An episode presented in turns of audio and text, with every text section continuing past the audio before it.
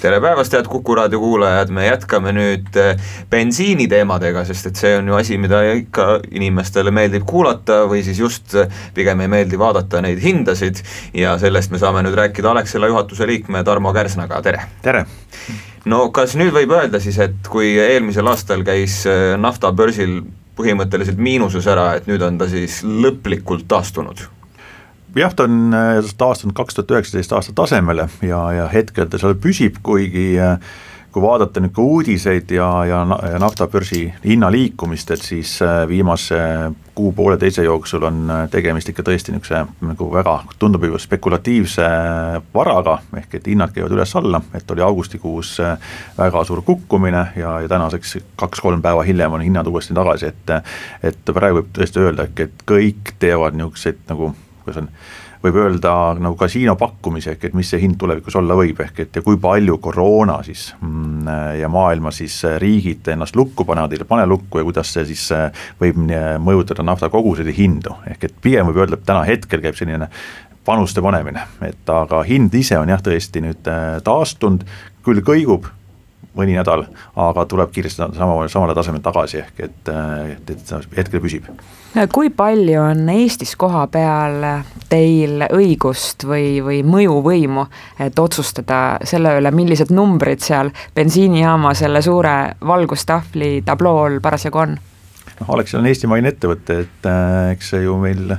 oma nagu juhatuses ja, ja kiiresti otsused toimuvad, ehk et aga noh, eks see põhi, põhiargument ju all, kuidas hind kujuneb, on, et teine väga suur osa on sisseostuhind, siis on äh, suur osa on aktsiis ja siis järgmine, järgmine nagu väiksem osa on siis see marginaal, äh, mis siis jääb meil nii oma töötajate palkade jaoks, äh, tanklate ülalpidamiseks kui ka uute tanklate ehitamiseks järgi, et eks seal selles piiris me siis seal mängime ja, ja konkurents on tihe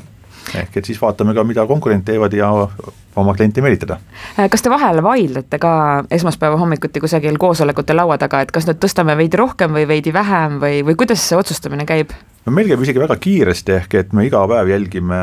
mis, mis hinnaga me sisse ostame, mis maailma trunt teeb hetkel ning äh, mida ka konkurendid teevad ja, ja isegi me ei kogune laua taha, vaid käib nagu läbi Teamsi või elektrooniliste kanalite, aga vaidlust on aeg-ajalt küll, ehk et et uskumusi, ehk et kas minna konkurendi kaasa, kas tõsta, kas langetada, kas siin piirkonnas on teistsugune hind, et noh, need on vahepeal ikka väga ütleme siis lausa virtuaalsete uste paugutamisele läinud, ehk et mina siit lahkun nüüd. Kas äh, teil tekib vahest lausa hasart start, et mis nüüd oleks õige otsus? Äh, mõnes mõttes küll, tõesti, et äh, ehk et kuidas see mõjutab, ehk et saada aru, äh, et mis siis klienti mõjutab, et kas teda mõjutab siis meie tervik, tankla kontseptsioon, ka see, mida me poes müüme, kohvi, toit ja kütus või ainult kütus, kui palju on väga hinnatundlikud, noh, ja teistpidi on, teisest vaatest on ka meil ju kliendid, kellel on siis noh, ütleme meie oma sooduskaart ja on need niinimetatud juhukliendid, kes tegelikult äh, tangivad seal, kui auto juba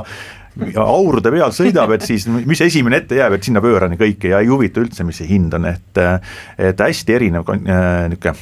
niisugune segmenteerimine või inimesed, et kes jälgivad tõesti sendi täpsusega seda või poole sendi täpsusega postihinda, Äh, teised on need, kes on lojaalsed tanklale, äh, ühele tanklale, ketile ja on need, kes on äh, võib-olla harjunud ehk et mis tee peale jääb, seal olen. aga ehk siis enam ei ole päris nii, et alati on puhas bensiini pealt tulu, vaid sinna on juurde lisatud nüüd kõik need teised komponendid, alates kohvist kuni hot dogini? absoluutselt, ehk et ja täna me näeme, et järjest rohkem kliente, eriti hommikuti,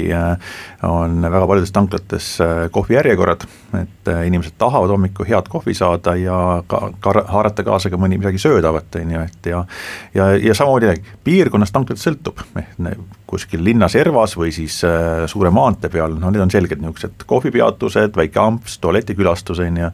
ja, ja linnas võib-olla, et raban äh, kohvi töö juurde kaasa juba. Äh, kuidas see muide on niimoodi kujunenud, et noh, ma ütleks mälu järgi, et veel kümmekond aastat tagasi ei olnud sellist kultuuri, et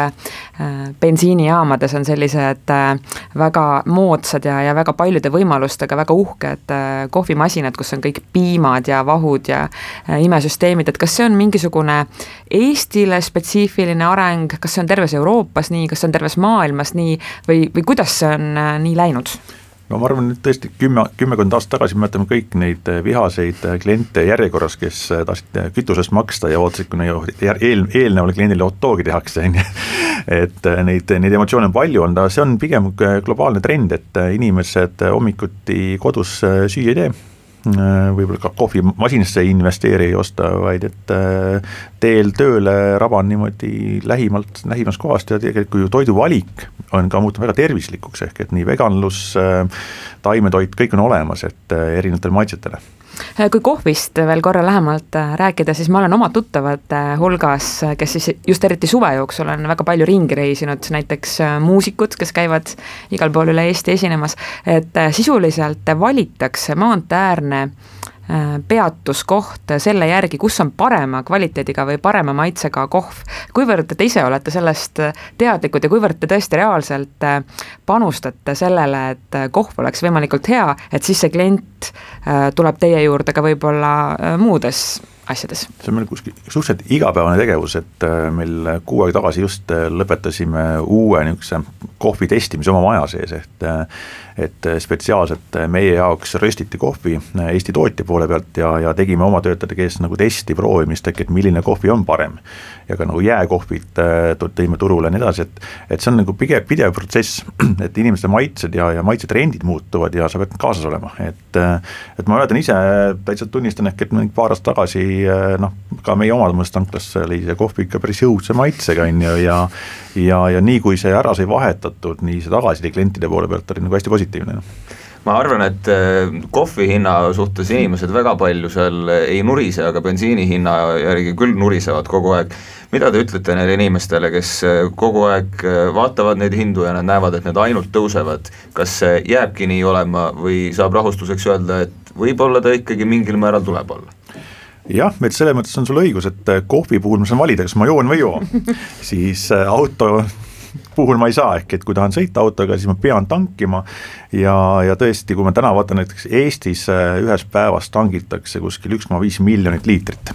kogu turu peale kokku, et see on väga suur maht, ehk et äh, eestlased on kahjuks või õnneks, ma ei tea, meie jaoks õnneks autousku rahvas, aga täna, kui seda kütuse hinda vaadata, siis äh,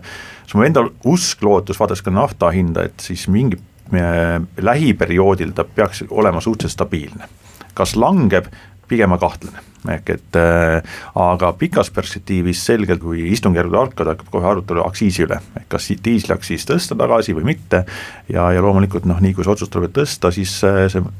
pa paratamatult peegeldub nagu hinnas. Aga siit samme veel edasi, siis vaadates Euroopa Liidu nagu strateegiat, siis selgelt on ikkagi kogu see pool, mis puudutab fossiilseid kütuseid, äh, ega muud moodi nad ei ei saa inimesi suunata tar-, oma tarbimisharjumust muuta kui läbi siis maksude ja, ja seda ma äh, oleme suht veendunud, et ikkagi niisugused fossiilsete kütuste nagu maksud äh, ikkagi pikas perspektiivis kogu Euroopas järjest nagu rohkem, rohkem tõusevad, kaasa arvatud äh, kasvab kohustus äh, müüa rohkem rohkem biokütuseid. mis te ennustate, mis äh, ajaperspektiivis nüüd need keskkonnamaksud lähevad selliseks äh, väga tavaliseks juba, et need tulevadki peale ja selle arvelt ka kõik tõuseb? Nad tulevad ju järjest kogu aeg järjest, on CO2 maksud, mis on, mõjutavad ka meid otseselt täna Eestis, kui siis järgmine pool on aktsiisid, ehk et Euroopa Liidu komisjon täna on saatnud riikidele laiali juba uued, uue ettepaneku kehtestada erinevatele kütustele uued miinimumaktsiisimäärad üle Euroopa noh, nüüd äh, Eesti Vabariigi valitsus ja Riigikogu hakkavad neid arutama, ministeeriumid, ehk et äh, kui palju ja mis ulatuses Eestis seda rakendama, aga noh, need selged need märked on, ehk et samm-sammult ikkagi ja eelkõige fookusega fossiilsete kütuste nagu aktsiisi tõstuks, tõusuks no ma tuleksin veel korraks tagasi selle numbri juurde, mis mulle tundus väga huvitav, mis te välja ütlesite, et poolteist miljonit liitrit tangitakse Eestis kütust päevas ja et eestlased on autohullud. kui võtta siia kõrvale Eesti rahvaarv, mis on ju ka jämedalt võttes poolteist miljonit, kas seesama äh, suhe siis rahvaarvu ja kütuseliitrite vahel on ka muudes riikides sama või on see Eestis kuidagi tõesti selline võrreldes teiste riikidega kõrge? Eesti eristub praegu küll Euroopa Liidus sellest viimaste aastatega, ehk et äh, see autostumise osakaal kasvab ehk et äh, kui mujal Euroopas pigem linnadest äh, jõuga läbi siis erinevate maksude jällegi surutakse autosid välja, siis Eestis ka ju Tallinna linnavalitsus on öelnud, et see on probleem, ehk et ei saa autodest lahti, et autosid tegelikult tuleb järjest rohkem juurde, et et selle koha pealt on jah, me oleme nagu eristuv et aga ma ise nagu näen, et ikkagi noh, linnad panevad reegleid, piiranguid, nii edasi, ehk et see üks hetk peatub ja peab hakkama teistpidi liikuma.